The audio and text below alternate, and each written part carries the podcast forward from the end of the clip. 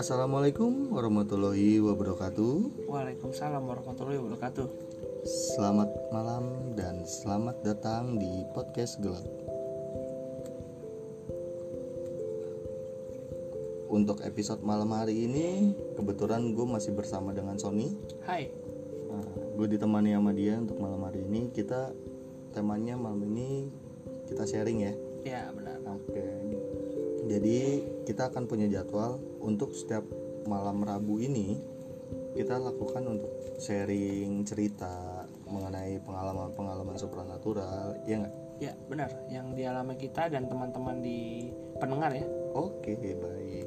Tapi untuk di malam minggu kita akan update-nya itu tentang masalah-masalah mitologi, Hmm, Legenda-legenda. legenda-legenda. Konspirasi-konspirasi ya. Betul. Jadi kita akan tayang seminggu ini langsung 4 episode Hmm. langsung demi kalian semua. Nggak ada liburnya kita. Aduh, ini harus ada sponsor nih kalau kayak gini. Oke, langsung aja ya. Untuk cerita pertama itu datang dari gue. Hmm. Nah, ini kebetulan banget baru buat gue alamin itu dari kemarin ya. Kapan tuh? Kira-kira itu hari apa sih? Jumat. Jumat minggu lalu. Oh Jumat kemarin masih. iya. Oh baru banget. baru baru banget. Dan ini menurut gue epic sih. Jadi gini kan gue ceritain dari awal nih ya. Hmm. jadi Jumat itu gue sama calon istri gue itu kita pergi. Kita mau liburan. Sekalian tuh kita mau cari tempat untuk hunting buat private nanti. Oke. Kebetulan tempat yang kita pilih itu adanya di Bandung Hmm. Nah, jadi gue jalan itu dari Jakarta kira-kiranya sore sekitar eh sorry siang itu jam satuan gue jalan dari Jakarta selesai sholat Jumat. Hmm. Nah gue jalan itu sampai di Bandung kira-kiranya hampir malam deh. Eh iya iya malam itu habis maghrib gitu ya. Habis maghrib baru nyampe ya. Iya gue baru nyampe Bandung itu habis maghrib. Kebetulan kan gue memang naik motor nih. Yoi touring banget anaknya. Baik, baik. Padahal cuma itu doang kendaraannya Jadi gitu pas gue ah sebelumnya itu gue udah memang udah searching untuk tempat penginapan gue di sana. Ah. Begitu pas gue searching itu gue dapat penginapan di daerah Cibaduyut. Hmm, hmm. Hmm, itu ada salah satu apartemen atau hotel lah namanya. Namanya nggak perlu disebut lah ya. Boleh. penting nama daerahnya nah, pada saat itu gue kan melakukan eh, apa namanya bookingnya itu via online gitu Hmm.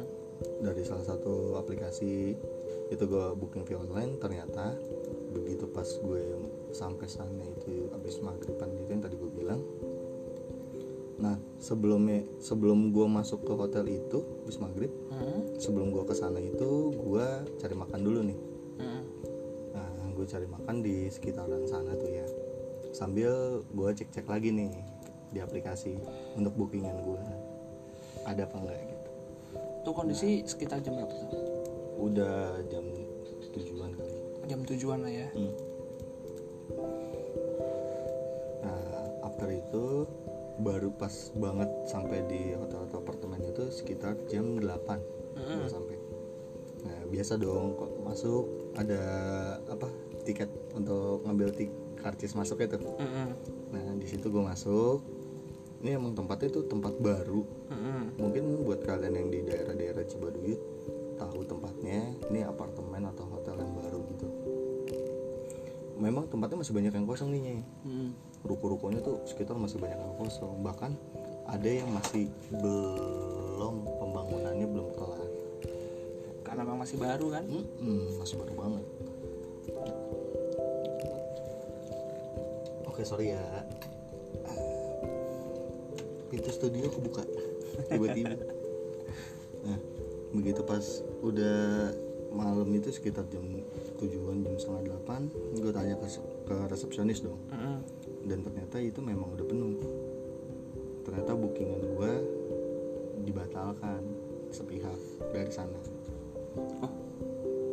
gue nggak ngerti deh tuh tapi di refund sih Oh di refund untuk uangnya sih di refund Mungkin karena malam minggu kak ya? Malam, malam Sabtu ya? Malam Sabtu. Weekend sih ya. Hmm. penuh juga ya kan? Ya udahlah. Akhirnya gue dengan berat hati gue gue meninggalkan tempat itu nah nah di sini mulai awal ceritanya Hmm, oke oke oke. Jadi di pintu keluarnya itu memang kita harus ngelingkarin apart itu dulu. Mm-mm.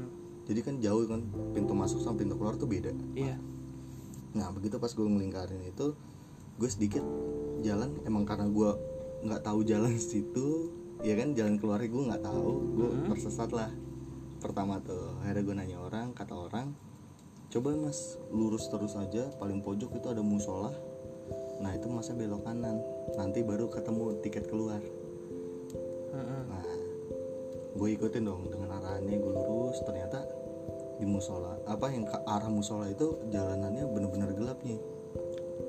oke Jadi emang gak ada lampu. Mm-mm. Karena kan gedung baru yang tadi gue bilang ya, ada sebagian yang belum selesai. Nah di musola itu gelap banget kondisinya jalan jalan situ gelap banget. Dan pas ketika gue belok ke kanan yang tadi dikasih tahu sama orang ini, iya gue belok kanan gue sama calon istri gue itu diketawain iya. Tawain Heeh, jadi gue diketawain sama suara anak kecil. Heeh. nah jadi sebelum gue belok kanan itu emang hawanya udah udah sedikit beda sih. Iya. dari ya lebih hening lah gitu hawanya. Dan seketika tuh ada suara ketawa anak kecil yang melengking banget di kuping kiri gue Mm-mm. kaget lah gue hampir jatuh sih waktu itu.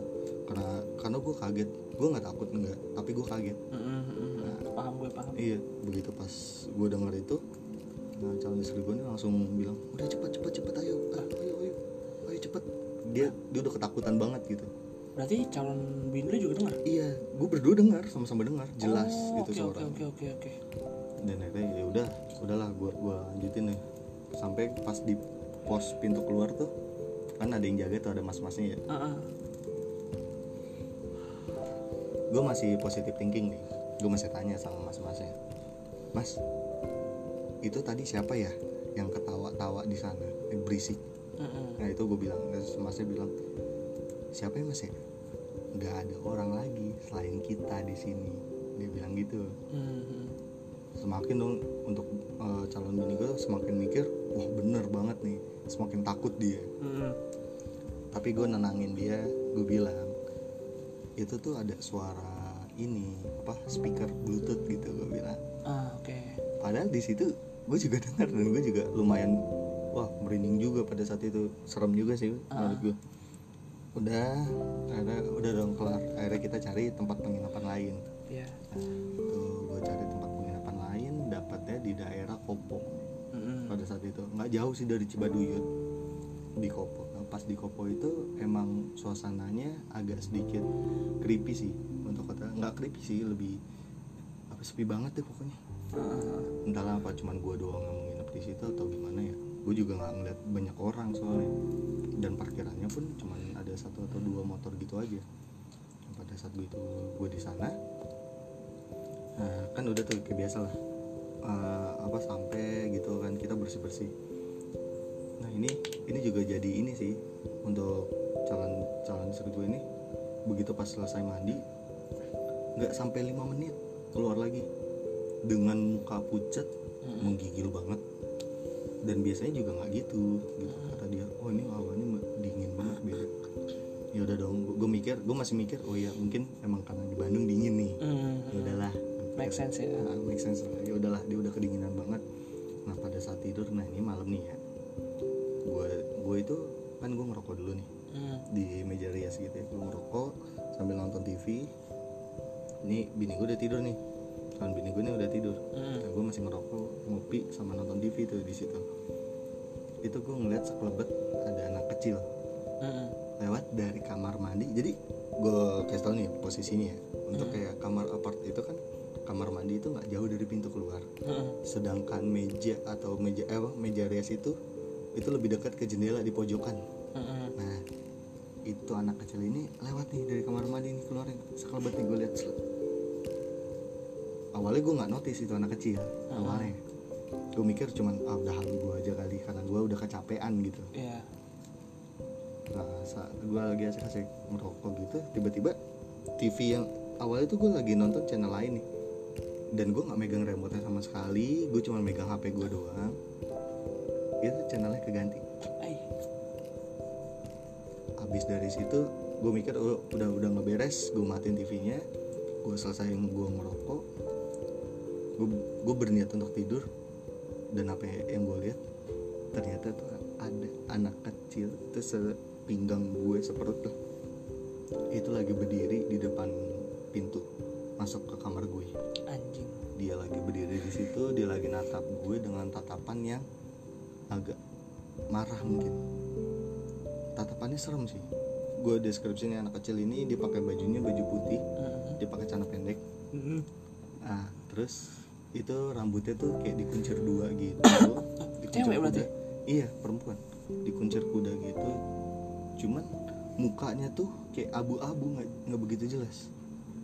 Tapi yang gue bisa lihat itu matanya kayak sedikit merah gitu memancarkan. Gimana sih kalau orang marah tuh pasti lu ngeliat lah.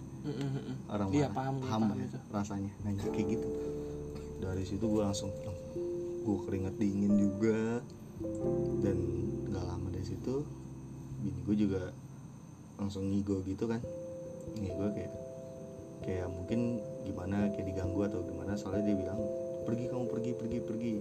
Dia deketin kita pergi pergi. Itu dia posisi tidur. Gue nggak tahu dia mimpi gimana ya. Udah nggak lama di situ gue coba merem gue baca bacaan gue lihat lagi udah nggak ada sih. Nah dari situ gue udah nggak bisa tidur lagi. Saat itu. Gokil Ya udah pasti sih ya, udah pasti Iya. sih gak akan tidur. mungkin itu sih pengalaman yang buat gue serem sih. Tapi nih ada beberapa yang pengen gue tanya nih men. hmm. Itu waktu lu lewatin eh yang yang pas lu diketawain itu Hmm. kalau emang bu- bukan eh kan kalau misal speaker bluetooth ya itu kan kondisi juga emang namanya bangunan baru dan masih belum banyak barang-barang pasti kan bergema kan Iya. itu posisinya suaranya gimana sih suaranya tuh kayak tiba-tiba tuh nyamber ke kuping kiri lo ah ah. langsung kayak suara ketawa kencang di Oh. samping kuping kiri lo iya iya iya iya iya, dan paham itu jelas banget gue denger. Mm-mm. sumpah. Buset merinding gue merinding gue cerita kayak gitu. Juga karena ya ini gue alamin sendiri baru kemarin lagi. Iya iya pas iya, banget. gokil. Iya. gimana ya? Aduh mungkin dia marah emang men. Iya bisa jadi. Dia kesel juga kan dia baru calon istri kenapa nginep di apartemen berdua ya mungkin buat pendengar jangan ditiru ya. Cuman cuman emang ya gue kan emang mau nikah. Mm-mm. tapi ya gue lagi nyari tuh spot-spot buat gue private Buat nanti private, iya, iya. Gue lagi survei tempat gitu. Enggak sih enggak emang emang emang. Gokil udah banget. gitu. Masalahnya yang tadi dari tadi lu cerita yang ada di pikiran gue Hmm. itu anak kecil cowok men. Serius. Gue sama Iya. sekali nggak notice kalau itu ternyata kecil cewek gitu. Cewek ternyata dia suaranya tuh perempuan banget melengking gitu loh kayak aduh ya allah lu kalau bisa dengar suaranya dan ngeliat wujudnya itu tuh sumpah tapi lu harus Serem. pasti gue gue kenal juga sih sama sama cewek lu gue kenal lu harus pastiin banget sih ceritainnya jangan sampai ke kuping dia Enggak, justru ini, ini gue menutupi sebenarnya biar dia nggak takut karena dia tipikal orang yang parnoan. iya gue tahu Kalau udah ngeliat yang kayak gitu atau merasakan hal yang kayak gitu dia parnoan. Makanya sebenarnya gue gue tutupin tadinya dengan gue bilang itu suara speaker bluetooth. oh iya iya iya Aslinya benar gue gitu gituin. Gue nggak bilang yang dia ngigo kayak gitu nggak gue tanya-tanya lagi gue paginya Mm-mm. karena menurut gue terlalu serem nantinya. Oke oke oke. Lu lumayan lumayan creepy juga sih serius karena ini pengalaman pribadi ya kan. Iya, gue ngalamin sendiri. Sumpah itu. Eh, merinding gue kalau inget yang kemarin tuh. Oke kira-kira ada lagi nih? Kalau dari gue sih itu aja sih pengalaman gue yang kemarin baru baru yang gue alamin. Mhm. Oke nih kita mau lanjut. Lanjut Lanjut lah, ya. masih ada. Tenang, durasi masih banyak. Ya jadi gue kebetulan kemarin sempet ngobrol kan sama temen gue nih. Hmm. Kebetulan temen gue juga kan dengerin podcast kita. Ais. Ya, Terima kasih loh ya. mas, sudah mau didengarkan. Berkat kerja keras kita share terus ya. Oke jadi temen gue ini tinggal di daerah Depok. Hmm. Dia waktu itu kejadiannya di rumah sakit di salah satu rumah sakit yang ada di Depok. Gimana nih? ya ada lah pokoknya di daerah Depok Oh, baik. ya Dan disebut lah ya rumah sakit. disebut lah rumah sakitnya Oke oke. ya jadi pada saat itu dia posisinya nginep karena dia nungguin calon istrinya dia calon istrinya kebetulan sakit kan Eh, Sama nih. Nah, tapi kalau calon istri ini dia waktu itu kan sakit tifus emang bener-bener sakit. Gue juga tahu waktu sakitnya karena gue juga jenguk. Dia sempat nungguin di sana dan ini ceritanya pada saat itu dia hari pertama dia nginep. Jadi waktu itu dia datang malam karena dia baru pulang kerja kan. Dia datangnya udah malam juga dia mau langsung tidur tuh. Tapi sebelum tidur dia nonton nonton nonton YouTube kan. Mhm. sambil nungguin temennya dia yang mau datang juga ke depan rumah sakit itu pada saat itu. Oh gitu ya. Nah, nah pada saat dia lagi nonton YouTube itu nggak ada yang aneh main awalnya. Awalnya nggak ada yang aneh cuman dia juga nggak ngerasain kayak perubahan suhu suhu dan lain-lain gitu kan. Cuman emang dia bilang udaranya kering ya mungkin karena AC kan. Pas lagi dia nunggu itu dia denger eh, suara kakek-kakek. Suara kakek-kakek kayak ngorok. Paham gak sih lu? Oh. dia kayak kalau kalau gitu nah, ya gitu. Kayak semacam itu benar.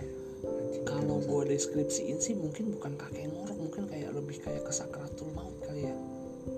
Atau gimana gue juga kurang paham ya mungkin dia ada susah nafas atau apa gitu mungkin ya bukan sakratul sih. Mungkin kayak susah nafas atau bagaimana. Dia nggak nggak nggak begitu takut kan dia pikir rumah sakit kan tempatnya orang sakit dan wajar banget kayak begitu. Ya udah dia santai aja. Dia santai aja habis itu dia kan tidur jadi eh, istrinya tidur di kasur kan dia tidur di bawah. Di bawahnya biasa lah yang nungguin gitu. Ya yang nungguin gitu. Nah itu dia emang. Jadi kan ditutup tuh tirainya. Hmm. ditutup tirainya. Ini kondisi pintu pintu rumah sakitnya ditutup ya pintu kamarnya ditutup nih. Hmm. emang di kamarnya ada beberapa orang ada sekitar empat orang.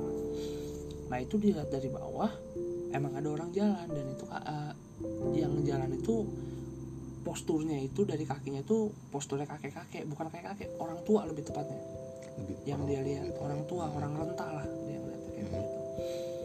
udah singkat cerita temennya datang dia ngobrol kan di depan itu Hmm. dia ngobrol di depan diceritain lah sama temennya nggak nggak ada pikiran aneh lah nggak ada pikiran apa apa sampai akhirnya pas pagi dia bangun karena kan pengen diganti infusannya kan Hmm. calonnya itu itu kurang lebih sekitar jam setengah enam pagi dia bangun dia melek udah ada beberapa yang bangun juga ngobrol sama calon istri ini ditanya situ nggak ada orang tua sama sekali. Nah, jadi di kamar itu nggak ada orang tua nih.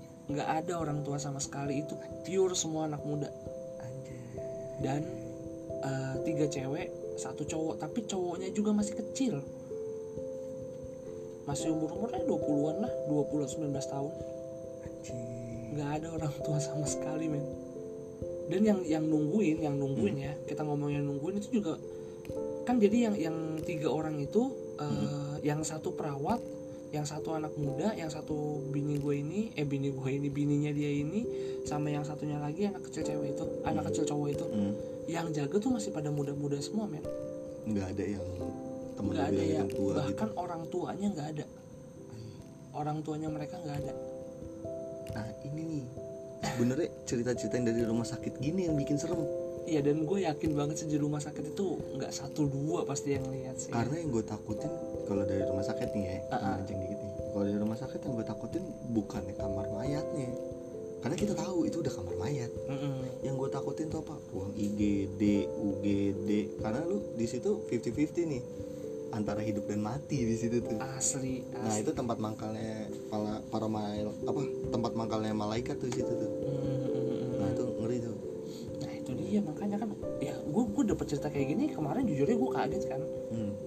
karena ya yang gue tahu ya rumah sakit ini rumah sakit yang disebutin nama dia ini ini nggak ada track record yang menakutkan gitu karena gue juga orang Depok kan gue Hmm. tahu rumah sakitnya gue tahu sebenarnya nggak ada track record yang menakutkan cuman ya itu men itu creepy banget sih sumpah gue nggak bohong Iya iyalah rumah sakit. Kalau kita pikir-pikir nih ya kan, yang tadi gue bilang, yang gue takut tuh di UGD, IGD, karena ya satu tempatnya lu maaf maaf nih ya tempatnya pada mati di situ dulu kan kalau lu sekaratul maut di situ. Iya kalau ruang mayat emang dia udah Iya, meninggal udah kan? mayat kan ya lu tahu lah udah ya udah mayat mau gimana ya tapi di UGD lu masih hidup ya lu mati di situ ya ampun. itu yang paling horor sih kalau di rumah sakit asli. Makanya gue gue tuh ke rumah sakit bukannya takut kemar mayat nih takut gituan nih gue ogah gue ke rumah sakit tuh dan akhirnya setelah kejadian itu siangnya kan diceritain tuh paginya. Hmm. siangnya berdiskusi-diskusi malamnya masih nginep besoknya cabut. Tapi malamnya pas nginep nggak ada apa-apa sih. Aman tuh di hari kedua dia itu aman. aman. hari kedua aman pas dia nginep. Cuman paginya langsung cabut. Sebenarnya belum boleh kan? Iyalah lah. Gue jadi dia juga dan kan hari kedua. Abis itu malam udah paginya gue tahu nih udah malamnya gue nggak bakal nginep lagi. Gue mending tidur di warung rokok dah tuh yang di depan. Kan masih calon istri Iya harus sih. kelihatan kuat ya kan si cowoknya kan. Sebenarnya dari cerita ini kita sama-sama menginap. Iya. Cuman beda tempat aja satu di rumah sakit yang satu enak lah gue mah. Paham lah anak muda zaman sekarang. Jangan ditiru jangan ditiru. Nggak apa-apa sih kalau itu terserah juga sih emang itu ya namanya juga anak-anak ya. Oke oke oke. Oke mungkin sekian dulu kali Iya. dari cerita kita malam hari ini ya. Makasih banget sama temen lo tadi yang udah cerita. Mm-mm. cuman pak itu dia nggak mau disebut sih namanya. Iya dia nggak mau. Katanya takut lah reportasi lebay. Kayak yang dengerin kita sampai jutaan atau ribuan aja kan itu dia. Padahal mah lu doang yang dengerin. Ya lo oke deh. Akhir kata gue pamit. Jadi lu pamit lu pamit apa putar deh iya kan gue pamit dulu. Oh iya baik baik. Oke oke gue juga kita Son. ulang ah nggak Ah, iya? lah oke. Akhir kata gue putra pamit. Nah. Gue langsung dipamit. Selamat malam